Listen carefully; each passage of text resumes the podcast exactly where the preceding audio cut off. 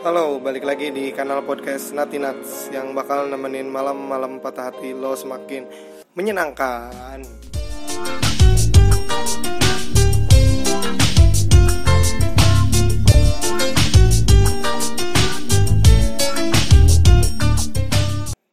Oke, balik lagi bersama gue Kalaya Disokin di Nati Nats dan sebelumnya eh, gue ucapin terima kasih buat teman-teman yang sudah support di kanal podcast Nati Nats ini dan para listener juga.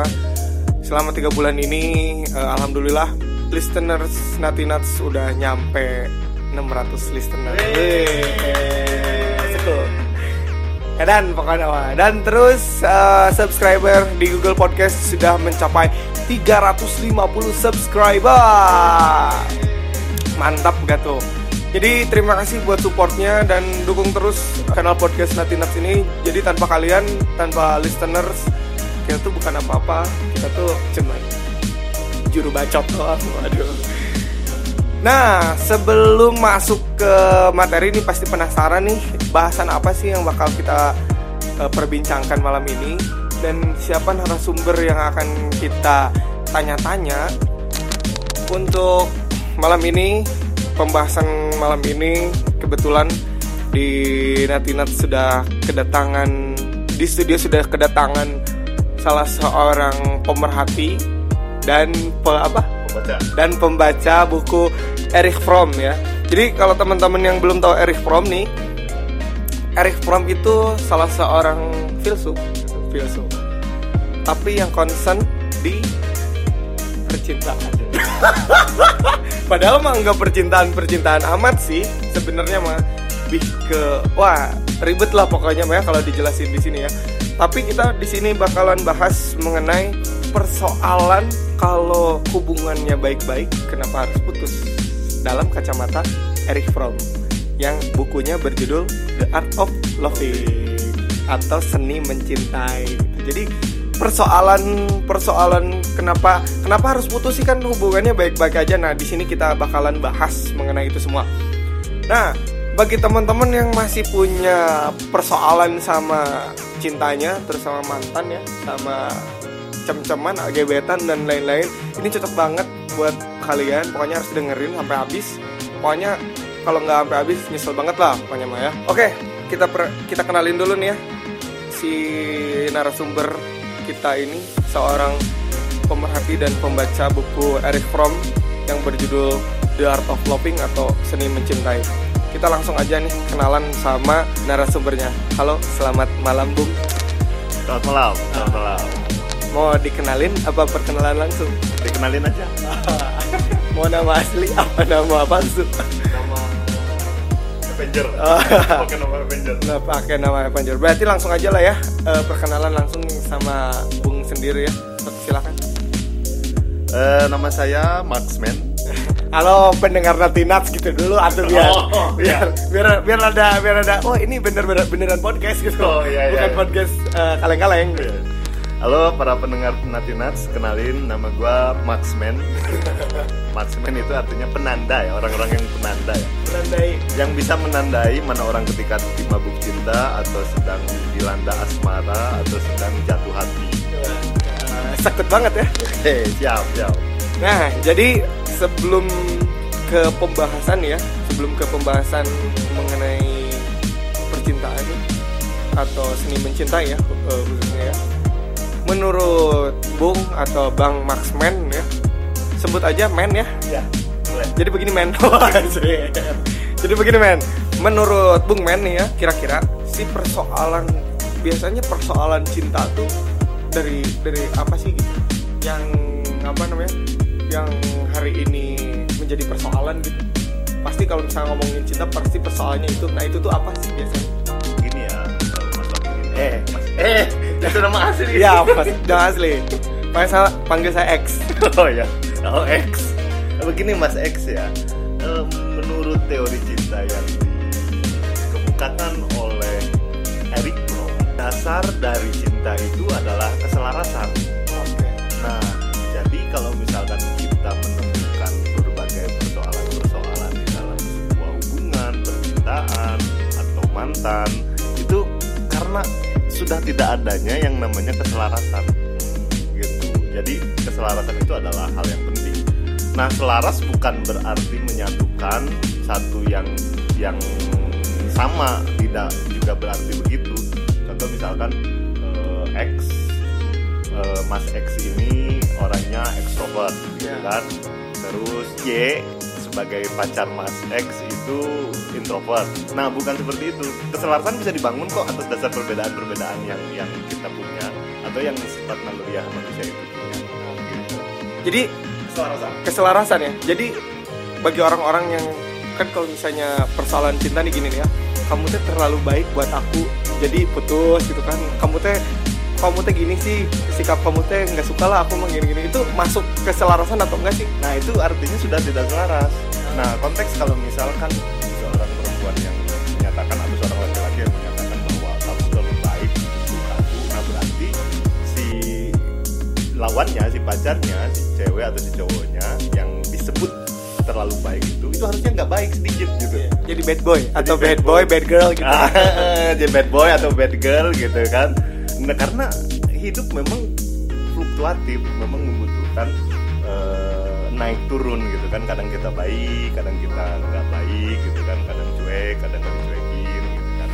Nah di samping Eric Fromm, eh, Mas Ek, saya juga punya satu teori mungkin yang agak ampuh ya. Ampuhnya kayak apa? Kayak deterjen gitu ampuh.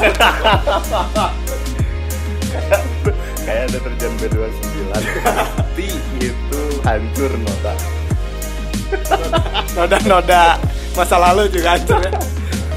Oke, gini, keselarasan atau bangunan dari cinta itu bisa kita buat atau bisa kita bentuk dari kebiasaan.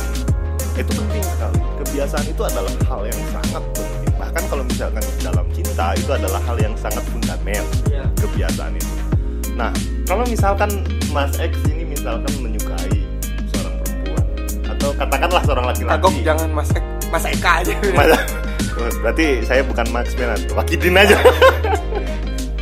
nah, gini, kalau misalkan seorang cowok menyukai perempuan, konteksnya masih dalam tahap suka ya, itu lakukan dulu kebiasaan-kebiasaan seperti begini. Setiap pagi coba kirim SMS, bukan SMS ya, SMS. Zaman baru lah. WhatsApp, WhatsApp.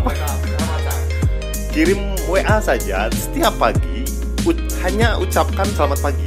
Dalam jangka waktu satu bulan teman-teman di teman-teman Natinats ya teman-teman Natinats ini yang mau apa? Yang mau me, non karena Nyekil, nyekil. Ah, ah, yang mau nyekil atau yang mau mendekati seorang perempuan atau seorang laki-laki gampang.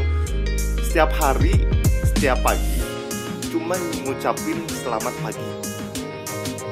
Tapi itu rutin tiap hari ngucapin aja selamat pagi. Jangan ngucapin apa-apa lagi. Ngucapin selamat pagi. Dalam jangka waktu satu atau dua bulan. Nah satu waktu sobat Natinats berhenti. Setelah dua bulan menyapa terus si target itu si gebetan itu menyapa terus terus berhenti. Ketika berhenti satu minggu ya target itu pasti akan bertanya kenapa dia nggak WA saya pertanyaan kenapa dia nggak WA, nggak WA saya? Itu adalah kebiasaan. Karena selalu habit jadi habit gitu kan. Nah cinta itu harus didasari atau bangunan cinta itu bisa didasari dari sebuah habit juga dari sebuah kebiasaan juga gitu kan. Kebiasaan saling melengkapi satu sama lain gitu kan. Kebiasaan saling mencintai satu sama lain. Itu jadi hal yang sangat penting. Nah, jadi gini ya, Bung. Kadang si orang-orang teh, jadi kebanyakan nih para pendengar Natinats nih yang curhat gitu ya, curhat langsung, mau langsung atau melalui DM gitu ya. Mereka tuh terhambat oleh ini ketika dia lagi proses PDKT nih sama si gebetannya itu wartawan kan ngerti gak sih wartawan kan di wartawan itu gini jadi si cowoknya misalkan ya ngechat terus dibalas cuma iya oh iya oh gitu ya. Nah nggak pernah ada pertanyaan balik untuk si cowoknya. Jadi si cowoknya terus terusan mikir gimana caranya chat ini bisa bertahan lama dan terus hidup gitu tanpa ada pertanyaan balik dari si ceweknya. Nah itu kadang-kadang eh, banyak sekali keluhan-keluhan dari teman-teman Natinas nih yang lagi nyepik gitu ya. Jadi diwartawankan lah kalau bahasa sekarang mah gitu. jadi nanya we terus tapi pas eh, nggak balik ditanya gitu kan jadi jatuhnya tuh jadi bete ya nah dan itu menimbulkan apa ya si orang itu tuh jadi nyerah gini kan jadi nyerah ah udahlah ada si cewek ini mah jutek dan lain-lain. Padahal nggak gitu ya. Terus gimana tuh? Itu alamiah sekali begitu. Asli itu alamiah sekali begitu. Kenapa? Karena perempuan atau laki-laki itu pasti ketika apa pertama kali disapa itu pasti akan menjawabnya itu seperlunya saja gitu kan? Nah malah kalau misalkan kita baru pertama kali kenal jangan jangan seperti itu dulu jangan berharap kita bisa langsung bisa kenalan atau bahkan dekat dengan dia Iya. gitu. Jadi segala sesuatu butuh proses lah. Segala sesuatu butuh proses. Nah sebetulnya hal yang simpel yang tadi saya kategorikan atau yang saya contohkan tadi dan itu sangat ampuh itu adalah hal yang sangat simpel. Kita nggak usah mengharapkan balasan atau bahkan kita nggak usah mengharapkan balasan yang hangat obrolan yang hangat gitu kan dari target kita itu dengan hanya mengucapkan selamat pagi saja dengan hanya mengucapkan selamat pagi kita nggak usah oh, muter otak gimana caranya atau membangun Tetap hidup. Heeh, si cerita atau si chat itu mesti tetap hidup gitu. Kita nggak usah kenapa? Karena pasti akan begitu dulu awalnya gitu kan? Nah tapi dalam jangka waktu yang lama ketika sobat natinat yang mempunyai target gebetan ini kemudian berhentikan chat dari sobat natinat ini saya yakin pasti akan kehilangan karena habitnya itu udah nggak ada gitu kan? Kebiasaannya itu udah nggak ada. Itu konteksnya bukan jatuh cinta malah itu konteksnya jatuh hati. Jatuh hati. Jatuh hati. Beda ya jatuh cinta sama jatuh hati. Beda Mm-mm. beda. Kalau jatuh cinta itu kadang saya masih percaya teori bahwa jatuh cinta itu pada pandangan pertama masih konteksnya masih ada. Tuh saya pernah tuh Mm-mm. digituin sama cewek. Hmm. Tapi kalau misalkan jatuh hati itu yang sulit. Jatuh hati itu yang sulit. Jatuh hati itu tidak mengenal usia. Jatuh hati itu tidak mengenal ruang dan waktu. Terus jatuh hati itu tidak mengenal status. Tidak mengenal status jatuh hati itu mau punya pacar mau nggak punya pacar itu sikat terus gitu. Itu tapi jatuh wajar nggak sih itu ya wajar karena itu adalah sifat naluriah yang dilahirkan oleh manusia manusia itu ketika lahir dia langsung membawa cinta kok dia langsung membawa cinta nah konteks pembagian cinta. Balik lagi ke Eric Fromm ya. Konteks pembagian cinta di dalam teorinya itu kan ada beberapa kategori. Cinta antara orang tua dan anak cinta terhadap sesama. Maksudnya sesama itu bukan sesama jenis ya tapi kepada manusia. Kepada manusia. ya kan? Bahaya itu bahaya. Bahaya. Kalau sesama jenis nggak nggak masuk. Nggak masuk nggak masuk. kalau sama jenis nggak masuk. Terus cinta kepada ibu cinta erotis. Nah cinta erotis ini yang yang dikit kalau misalkan Eric Fromm gambarkan cinta yang didasari dengan nafsu mungkin nafsu yang agak sedikit baik. Lalu cinta kepada diri sendiri dan cinta kepada Tuhan gitu. Nah si kategori-kategori ini oleh Eric di dalam bukunya The Art of Loving sobat-sobat nanti ini bisa cari bukunya atau bisa beli bukunya di Kenca Press ya. Atau di munisipal munisipal Lebuk sedikitnya ini ya apa promosi. Promosi. lah ya. beli beli weh beli weh. Keren pokoknya keren. Nah itu menjelaskan secara detail teori-teori cinta dan saya yakin eh, sobat Nantinas ini akan sedikit tercerahkan dan dan pasti akan mempunyai cara bagaimana kita bisa membuat cinta itu bisa bertahan lama dan berkembang. Gitu mungkin. Oke. Nah, jadi sebelum dilanjut ke pembahasan berikutnya nih ten- tentang persoalan mantan gitu ya. Oke. Kan tadi udah nih PDKT dan lain-lain. Yang sekarang pasca pacaran, otomatis kan akan menimbulkan permasalahan-permasalahan baru tentunya kan. Nah, sebelum melanjut ke pembahasan selanjutnya, di sini gue mau bacain, wih berisik coy ini siarannya di dekat Sentul ya kayaknya. Motor banyak yang geber-geber gini. Eh, di sini aku mau bacain puisi karya Rifki Syarani Fahri yang terkumpul dalam buku puisi yang berjudul Hantu Adalah Kenangan. Cekidot. Jatuh cinta padamu. Jatuh cinta padamu bagiku sama halnya seperti kematian dan lahir. Aku tenggelam di hening telaga matamu dan kedipnya murung hampa yang bergaung adalah dengung dari 99 nama rindu yang lengkapi koleksi air mataku. Jatuh cinta padamu, kepastian itu garis tangan. Bagiku bukan lagi tafsir dan ramalan. Pada pulau gelap, di tengah telaga keraguan ialah aku, mayat lelaki yang karam di matamu. Ribu luka sayat dan lebam temaram mendarat di tubuhku. Genap ciri aku pernah sekarat. Sedang di lingkar matamu yang terluar, tali air ke sungai kecil seperti jejak kaki putus asa. Dari mimpi yang kehilangan ceritanya, seperti pahala yang ditinggalkan surganya atau neraka yang membuang siksanya. Jatuh cinta padamu, aku rela jadi waktu, tanpa masa depan dan masa lalu. Rifki Syarani Fakhri, hantu adalah kenangan. Keren, keren.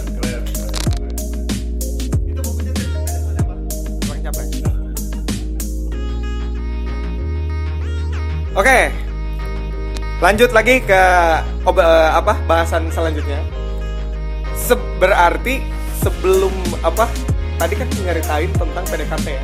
Kalau PDKT-nya berhasil berarti jadian, bener nggak? Kalau nggak berhasil berarti cari lagi yang baru, bener nggak? Jangan di jangan dipakai galau. Tapi emang tergantung ya tergantung orang mungkin ya. Kalau misalnya bener si ceweknya bener-bener dikejar, bener-bener di bagaimana gitu ya. Tapi galau adalah manusiawi. Dan kalaupun berhasil itu jadian. Nah, kita kak nggak bakalan mel- eh, melulu ngebahas mengenai tapi setelah jadian itu pasti apa? Itu kan pasti menimbulkan persoalan-persoalan baru, bener nggak pak? Eh, betul, betul. Nah. betul. Nah jadi gini, biasanya nih yang jadi persoalan teman-teman Natinats ya, persoalan teman-teman saya juga di kampus gitu ya, dan di tongkrongan gitu. Kalau tiap ada orang yang galau, pasti disolakin gitu. Pasti menggali atau apa ya mengorek kembali kenangan bersama mantan gitu ya. Padahal untuk kenangan sama mantan sih sebenarnya mah biasa-biasa aja ya. Tapi ini tuh jadi persoalan yang besar ketika si seseorang itu punya pacar lagi dan si kenangan dengan mantan itu kalaupun nanti dibahas ataupun ketahuan dengan sendirinya pasti jadi persoalan. Nah kira-kira nih menurut Mas Men itu gimana? Pertama gini ya. Mantan itu adalah X. Mantan itu kan adalah X dan habit yang hilang. Ya, jadi sebetulnya manusia itu nggak hidup sendiri, tapi manusia itu hidup berdampingan, atau yang bisa dikatakan soulmate lah, gitu kan. Nah sebelum kita masuk ke dalam jenjang yang serius, yang menikah, ya proses pacaran itu adalah tahap mencocokkan dulu, menselaraskan dulu dua perasaan, dua kepala, dua pemahaman, gitu kan. Nah, namun ini adalah sebuah masa-masa yang agak sedikit sulit untuk proses penyelarasan itu. Ah, proses peralihan gitu. Ah, ah, ada proses peralihan dan proses penyelarasan itu. Nah, kalau misalkan dalam konteksnya pacaran, kalau misalkan penyelarasan atau proses peralihan dan penyelarasan ini tidak bisa dilanjutkan karena begitu jauhnya terjadi perbedaan, maka mau bagaimana lagi hubungan pasti akan putus. Nah, ketika putusnya hubungan, kan kenapa ada kategori atau atau konsep galau? Itu karena mantan atau ex itu itu adalah habit kita yang hilang, gitu. Nah, maka kawan saya selalu berbicara bahwa ketika lu cari eh ketika lu putus atau ketika lu udah punya mantan, jawabannya ya lu cari lagi. Gitu kan. Nah, lu cari lagi. Nah, kawan-kawan di Natinas, tongkrongan dan di kampus yang sedemikian rupa selalu mengungkit-ungkit kembali itu adalah sebuah arti dari persahabatan, arti dari kesayangan atau arti dari rasa sayang kita atau rasa sayang sahabat. Nah jadi gimana? Nah, jadi mantan itu adalah X habit yang hilang di dalam diri kita.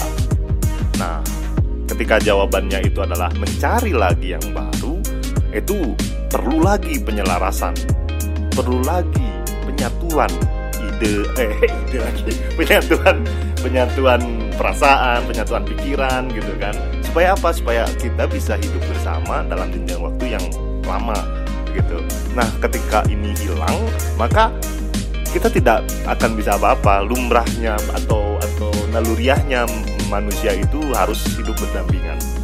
Nah namun ada jadi permasalahan. Ketika mantan ini jadi persoalan karena dia adalah mantan yang tidak bisa dilupakan. Gitu kan? Kenapa saya ibaratkan begini kalau misalkan kita membangun sebuah rumah ibaratkan rumah cinta bersama pacar kita. Ibarat kita membangun rumah cinta bersama pacar kita. Bangunan rumah itu ketika timbul sikap kita sudah atau sikap kita putus otomatis bangunan rumah itu dihancurkan. Nah ketika bangunan rumah dihancurkan tetap kita membutuhkan bangunan rumah yang baru bangunan rumah yang baru yang tidak ada hubungannya dengan mantan kita yang ex kita itu nggak ada jadi kita bangunan rumah yang baru Nah tapi ketika bangunan itu ketika sebelumnya sudah dihancurkan, puing-puingnya masih ada, kenangannya kita itu masih ada. Nah itu yang yang kadang selalu menghantui. Maka hukum di dalam pacaran agar mantan tidak jadi persoalan itu jangan pernah mengungkit-ungkit yang namanya mantan. Gitu. Nah terlepas mantan itu adalah kenangan yang sangat indah atau kenangan yang sangat buruk ya, itu sudah kita stop gitu loh. Kenapa? Karena habit kita kemudian akan berubah dari yang tadinya sesama A itu begini, ketika sama B kita itu jadi berubah gitu. Yang tadinya sama A suka makan, sama B jadi suka main. Itu beda gitu loh. Nah, ketika habit kita berbeda, jangan pernah kita terus-menerus uh, nostalgia gitu loh. Kita pengen makan di tempat mantan saya dulu. Nah, itu itu mengganggu. Ibarat kalau misalkan gini Mas X ya. Kita membangun rumah dihancurkan terus rumahnya itu kita baru bangun lagi nah si puing-puingnya itu semennya tiangnya gitu masih pakai tiang-tiang yang dulu yeah. gitu loh itu nggak akan benar gitu pasti mengingatkan terus. pasti akan mengingatkan terus gitu makanya jawabannya stop langsung kalau misalkan bicara masalah konteks pacaran nggak boleh kita bawa-bawa mantan gitu. Tapi kalau kebiasaan aku nih ya ya kalau sama seseorang gitu obrolan tentang mantan itu jadi humor lebih ke bahan evaluasi yang dibercandakan gitu. Yang dibercandakan karena dari situ aku sendiri atau si yang bersangkutan yang bersangkutan itu pacar saya ya. Kalau ngomongin mantan gitu ya paling dibawanya tuh ke arah ya sih dulu tuh gini. Nah nanti jangan gini lagi deh gitu gitu. Nah tetapi begini ada ada lagi persoalan baru. Ketika si mantan tersebut itu sudah masuk terlalu dalam ke urusan pacaran kita. Misalkan nih pas men lagi pacaran nih sama si pacar misalkan ya. Tiba-tiba si mantan. Mantan mantan mas saya. Ya mantan mantan mas men. Nah. bukan mantan saya saya mantan saya kenal. Enggak lah. Nah jadi ada si mantan itu ngeganggu. Misalkan bilang ke si pacarnya mas men wah si Mas Men mah begini begini begini kamu tuh jangan mau. Pokoknya aku juga dulu pernah ditinggalin atau pernah disakitin dan bla bla bla bla lah pokoknya mah. Nah terus jadi si pacarnya Mas Men tuh jadi terpengaruh gitu nah itu persoalan juga sebenarnya mah. Ya, eh. tapi ada kadang mantan yang ya yang enggak soal gitu loh. Mananya bahagia jeng baturnya mangga gitu. Dan kurang bahagia jeng kabogoran nyantai gitu. Guys masing-masing lah hirup mah gitu kan. Eh ngerti tuh si bahasa Sunda? Pendengar lah sorry sorry. Ada subtitlenya aja. Nah gitu. Nah menurut Mas Men nih pandangan Mas Men ketika lihat fenomena macam begitu itu gimana sih? Ya gini. Itu adalah persoalan yang tidak dewasa ya yang sangat kekanak-kanakan. Jadi untuk menanggulangi hal itu ya selesaikan secara dewasa. Nah saya kalau misalkan mantan itu mengganggu hubungan kita yang harus counter itu sekitanya sayanya. Saya ketika langsung bilang bilang ke mantan saya kamu jangan pernah lagi ganggu hubungan kita. Kenapa? Karena saya dengan kamu dulu itu nggak pernah berhasil. Meskipun kamu rongrong pacar saya gitu kan supaya tidak suka lagi dengan saya itu tidak akan pernah bisa apa namanya nggak akan pernah nggak akan pernah bisa mempan. Kenapa? Karena ketika pacar saya kemudian mempertanyakan kepada saya saya itu pasti akan menjawab sangat rasional. Ya. gitu. Bahkan saya bisa menjawab yang bisa diterima oleh mantan eh, oleh oleh oleh pacar saya itu. Gitu.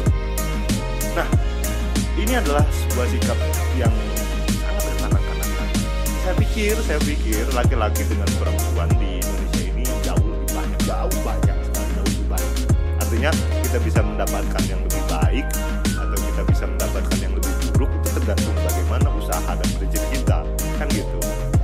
Nah sungguh tidak bijaksananya ketika misalkan mantan itu meng- mengganggu hubungan kita gitu kan. Nah apa dasarnya kenapa mantan bisa mengganggu hubungan kita? Itu mungkin ada beberapa potongan-potongan yang hilang atau ada beberapa persoalan-persoalan yang belum diselesaikan. Nah, maka harus ada tindakan, harus ada tindakan secepatnya. Langsung selesaikan. Ada apa nih, gitu kan? Kalau misalkan memang mantannya usil mah ya itu kacau karakteristiknya aja yang yang nggak bisa karakteristiknya aja yang nggak bisa dibenarkan gitu loh. Itu sih sebetulnya. Jadi memang kadang klise ya. Jadi kadang memang klise ya. Permasalahan-permasalahan mantan yang mengganggu hubungan-hubungan pacar pacarnya di kemudian hari itu kan gitu. Iya sih bener. Cuman ya begitu sih ya. Emang emang mantan mah ya. Ada yang baik, ada yang ada yang ada yang baik ada yang nggak baik. ya nggak baik gitu kan. Bukan nggak baik itu maksudnya. Baik, iya, bukan iya. bukan maksudnya nggak baik itu gimana gimana bukan sih ya. Tapi lebih ke ini mungkin apa namanya? Sikapnya lah. Sikap lah sikapnya nggak bisa diterima gitu nah harusnya harusnya tuh ya. Ini buat teman-teman Natinats nih yang dengerin nih. Kalau punya mantan tanamkan dalam diri kalian bahwa bener apa tadi kata Mas Men ketika menjalin hubungan dengan mantan gitu itu tidak berhasil gitu ya. Kenapa harus di apa namanya kenapa harus diulang gitu ya, Ya. bener nggak sih? Kenapa harus diulang gitu? Karena ketidakberhasilan itu ya stop gitu ngapain. Tapi ada sih beberapa temen gitu ya yang putus nyambung putus nyambung putus nyambung dan akhirnya menikah gitu kan. Yang mengakhiri dengan pernikahan gitu agar mengakhiri masa dadasnya. Anjing masa dadas. Jadi sebetulnya Mas X ya pacaran itu kata saya tadi pacaran itu usaha untuk menyelaraskan dua pikiran dua perasaan. Nah ketika ini dua pikiran dan dua perasaan ini sudah tidak bisa selaras karena naluriah yang dibawa oleh laki-laki dan oleh perempuannya itu begitu ya nggak bisa dipertahankan ya gimana? Gitu kan? Yang sih gitu ya udah kan gitu. Nah kecuali kalau misalkan kita bisa selaras itu bisa terus terus jalan. Kalau misalkan konteksnya yang putus nyambung putus nyambung tapi diakhiri dengan pernikahan itu adalah sikap yang paling dewasa. Ya. kenapa? Karena dewasa. dewasa gitu. Kenapa? Karena saya yakin di laki-lakinya atau di pihak perempuannya itu ketika sudah menikah nggak mungkin dong eh, nikah cerai nikah cerai nikah cerai. Kan gitu kan eh, nggak mungkin sepermainan nggak mungkin semain-main itu kan gitu. Tapi kalau misalnya untuk konteks pacarannya nggak apa-apa gitu kan. Mungkin karena tipikal di dalam laki-laki atau perempuannya yang ada salah satunya yang emosional gitu kan. Itu kemungkinan besar bisa terjadi. Nah tapi kalau misalkan mantan yang terus merongrong ya sudah kita kan sudah selesai nih yang sudah Ya, tidak udah bisa menemukan lagi. Heeh, udah nggak bisa menemukan keselarasan lagi ya sudah. Nah kan kembali kepada Eric, Eric Fromm itu apa sih dasar dari cinta itu? Selaras kok. Saya misalkan seorang cinta yang sangat mencintai perdamaian saya ingin selaras gitu kan seluruh umat manusia yang ada di dunia itu nggak berperang gitu kan. Itu cinta arti, a- ak- artinya akhirnya gitu loh. Jadi jangan jangan jangan dendaman jangan apa yang udah cinta Heeh, gitu. Jadi pacaran itu adalah proses untuk menyelaraskan dua perasaan dan dua pemikiran gitu tapi Mas Men pernah kontak mantan gak? nggak pernah Kenapa nggak pernah kontak mantan? karena filosofi rumah tadi hancur sudah gitu loh sudah puing-puingnya hanya terkenang sedikit dan sehari tahun nunggu lah Sa eh tahun. sananya nggak pernah Oke oke oke. Nah itu tadi mungkin ya pembahasan tentang dari dari mulai PDKT sampai jadian, beres jadian sampai jadi mantan gitu ya. Dalam kacamata The Art of Loving atau seni mencintainya Erich Fromm. Nah buat teman-teman yang penasaran sama isi bukunya gimana sih isi bukunya? Ini international bestseller ya. Ya international bestseller nih. Kalian bisa carilah di municipal book atau di toko-toko buku gede ya. Si bukunya murah lah harganya paling juga ini harganya 45 ribuan 45.000 sampai 60.000 lah ya kalau nggak ini kalau nggak apa kalau nggak diskon gitu. Ini asik cuman buat teman-teman yang suka baca kalau yang nggak suka baca ya dengerin podcast. Dengerin podcast ini bener gak sih? Bener. Dengerin podcast ini. Tapi sebelumnya eh, terima kasih ya eh, Oke, Mas Men sama-sama, sama-sama, sama-sama Mas X. Ya, terima kasih untuk menjadi pembicara malam ini. Ada pesan-pesan tuh buat teman-teman Natinats yang masih dalam persoalan PDKT, dalam persoalan PDKT, masalah di ketika dia pacaran dan masalah setelah jadian atau udah jadi mantan. Ada pesan? Eh, kalau pesan secara eksplisit sih nggak ada ya. Cuman begini Mas X, saya ingin sedikit mengomentari slogan Latinats yang gagal lokasi. Eh, kan Itu bukan casternya bukan saya itu. Adalah casternya dari Mordor. nah nggak galau nggak asik itu sangat menarik loh dalam dalam kajian filosofis itu sangat menarik kenapa artinya ketika kita sudah mengakhiri sebuah hubungan ya kan ada jeda waktu nah jeda waktu untuk kita bisa bangkit kembali mencari dan mencoba untuk menyelaraskan kembali dengan pasangan itu itu jeda waktu itu yang disebut dengan galau. Nah tempatnya ketika galau itu adalah ruang-ruang cerita. Nah Nati Nuts akhirnya bisa mengakomodir itu. Saya sangat sangat apresiasi sekali lah gitu. Dengan Nati Nuts dan dan dan slogan nggak galau nggak asik. Gitu karena setiap orang pasti butuh cerita.